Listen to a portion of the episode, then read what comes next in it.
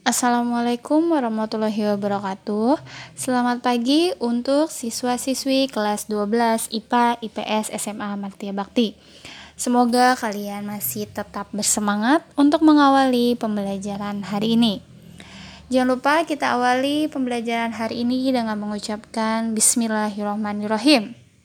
Nah, pertemuan terakhir kali ini sebelum kalian memasuki masa-masa uh, USBN minggu depan, kali ini Ibu akan membahas tentang soal-soal uh, penilaian akhir semester yang ada di LK halaman 17. Jadi, silah, silakan disiap uh, disiapin LK-nya halaman 17. Kalau untuk yang IPS uh, sebelum PTS itu Ibu sudah memberikan tugas mengerjakan soal-soal ini yang ada di LK halaman 17. Semoga yang IPA juga sudah mengerjakannya. Kalau belum mengerjakan, Silahkan diisi uh, jawaban-jawaban yang benar dan yang sudah diisi untuk IPS yang sudah mengerjakan. Apabila ada soalnya yang salah, ditandai mana jawabannya yang benar karena soal-soal ini adalah akan keluar nanti di soal-soal USBN ya walaupun tidak semuanya tapi beberapa gitu ya.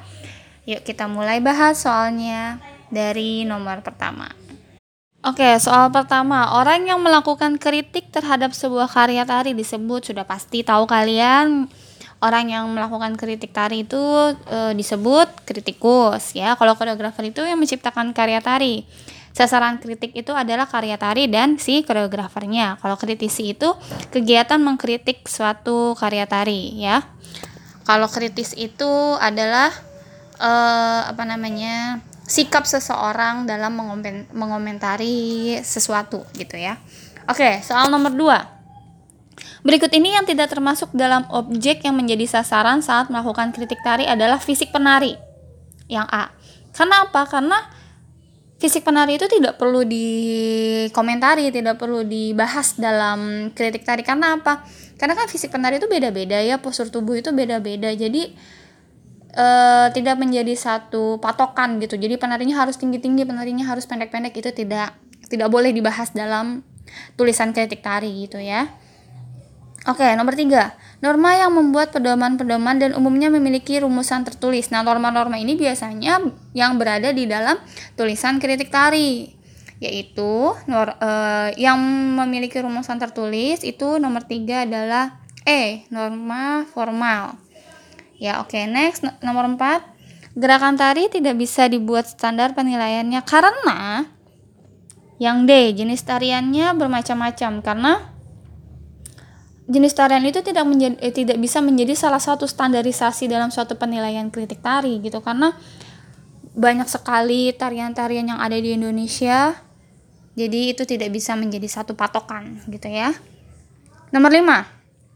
Hal positif yang dapat diambil jika suatu pergelaran dikritik adalah pergelaran tersebut dinilai dan dievaluasi kelebihan dan kekurangannya yang E gitu ya. Jadi uh, hal positif yang dapat diambil dari pergelaran uh, suatu pergelaran yang dikritik ini kita uh, dapat diambil dari evaluasi kelebihan dan kekurangannya. Oke, nomor 6 Kritik yang menyampaikan kelebihan dan kekurangan secara seimbang disebut kritik campuran. Ya ini udah sudah dari mat, udah ada di materi yang dua minggu uh, beberapa minggu yang lalu. Nomor tujuh Berikut ini yang bukan termasuk dalam peran kritik yang baik adalah yang B, menghujat. Karena dalam penulisan kritik, dalam melakukan kritik, seorang kritikus, kritikus itu tidak boleh uh, menghujat satu uh, satu seni pertunjukan atau satu pergelaran tarinya gitu. Tidak boleh dihujat maksudnya menghujat itu terlalu apa ya menghina menghina memberikan kata-kata yang mengeluarkan kata-kata yang tidak baik gitu. Oh, itu ya tidak boleh ada dalam uh, penulisan kritik yang baik. Nomor 8 tahap dalam kritik tari yang melihat teknik-teknik gerakan tari dan teknik pencahayaan disebut tahap yang B deskripsi. Nah di dalam deskripsi ini kan dijela, uh, dirinciin tuh uh, di tulisan kritik tarinya uh, tentang teknik-teknik gerakannya, cahaya uh, pencahayaan lampu yang digunakannya warna lampu apa aja gitu itu kan sudah ada di dalam bagian paragraf deskripsi ya. Nomor 9. Tahap dalam kritik tari yang mengambil kesimpulan mengenai bagus atau tidaknya suatu pergelaran tari disebut tahap sudah pasti ini adalah tahap evaluasi. Jadi ini tahap akhirnya dari satu tulisan kritik tari. Yang ke-10, tahap dalam kritik tari yang melihat gerakan penari, kostum yang digunakan, dan tata pencahayaan disebut tahap interpretasi.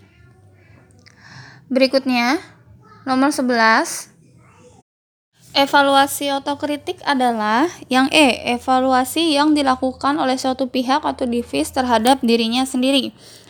Sekarang next nomor 12, pemimpin artistik memiliki peran penting dalam evaluasi karena pemimpin artistik itu yang E bertanggung jawab untuk mengombinasikan semua aspek dalam artistik. Jadi dia bertanggung jawab atas semua artistik yang ada di atas panggung semua aspek artistik ya. Nomor 13, ketika, ketika evaluasi, sesama tim dapat saling mengkritik dengan catatan C, kritik itu harus membangun gitu ya. Jadi sesama tim boleh saling mengkritik tapi kritiknya harus membangun, tidak boleh saling menjatuhkan. Karena itu berarti ada dendam pribadi. Oke, okay, next nomor 14. Manfaat kritik tari bagi apresiator adalah Mem, uh, yang C, memperdalam tentang wawasan seni tari. Apresiator itu kan seseorang yang mengapresiasi, mengapresiasi suatu pertunjukan tari gitu. Jadi, manfaat kritik tari bagi apresiator adalah memperdalam tentang wawasan seni tari. Nomor 15. Hal yang harus dihindari oleh seorang kritikus tari adalah D. Mengemukakan pendapatnya secara sub subjektif.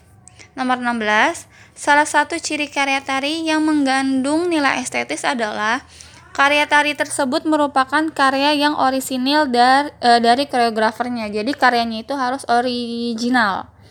Harus asli dari koreografernya bukan plagiat dari karya-karya tari orang lain. Oke, nomor 17.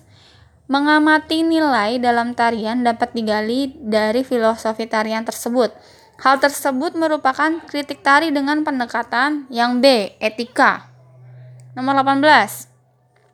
Berbagai aksesoris yang digunakan penari pada waktu pergelaran tari disebut aksesoris itu masuknya ke dalam kostum. Aksesoris itu seperti kalung, gelang, anting. Itu masuknya masuknya ke dalam kostum. Kalau properti, properti itu seperti pedang, selendang, tongkat, itu properti yang digunakan. Gitu ya. Kalau aksesoris itu yang dipakai oleh si penarinya. Oke, next nomor 19.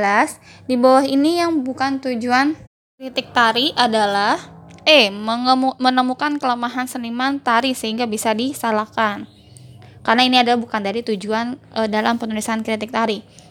Nomor 20 terakhir, Kegiatan memperkenalkan hasil karya tari kepada orang lain agar karya seni yang ditampilkan mendapatkan penilaian dari tanggapan disebut kegiatan ini uh, kegiatan ini e, memperkenalkan hasil karya tari berarti adalah e, kegiatan pegelaran yang C. Ya, oke. Okay. Sudah selesai kita bahas soal dari nomor 1 sampai nomor 20. Apabila ada yang ingin menyanggah jawaban Ibu, boleh silakan japri ke WhatsApp Ibu e, personal chat aja. Bilang, "Bu, menurut saya ini nanti akan Ibu beri penjelasannya." Oke. Okay? Uh, untuk kelas 12 IPA IPS bagi yang tugasnya belum mengumpulkan tugas-tugasnya masih merasa kurang, merasa belum mengumpulkan tugas-tugas yang sudah diberikan oleh Bu Fitri e, beberapa minggu lalu dan yang diberikan oleh Ibu beberapa minggu yang lalu. Jadi tolong diselesaikan utang-utang tugasnya karena nilainya mau diinput, mau diserahkan ke sekolah, ke pihak sekolah karena bersangkutan dengan uh, kelulusan kalian nanti gitu ya. Dan untuk IPA nanti kalau ada apa-apa bertanyanya ke ibu untuk sementara ini ya. Uh, mengenai tugas, mengenai nilai apa yang kurang nanti akan ibu sampaikan. Oke, ibu tutup hari ini dengan mengucapkan Alhamdulillahirobbil alamin. Wassalamualaikum warahmatullahi wabarakatuh.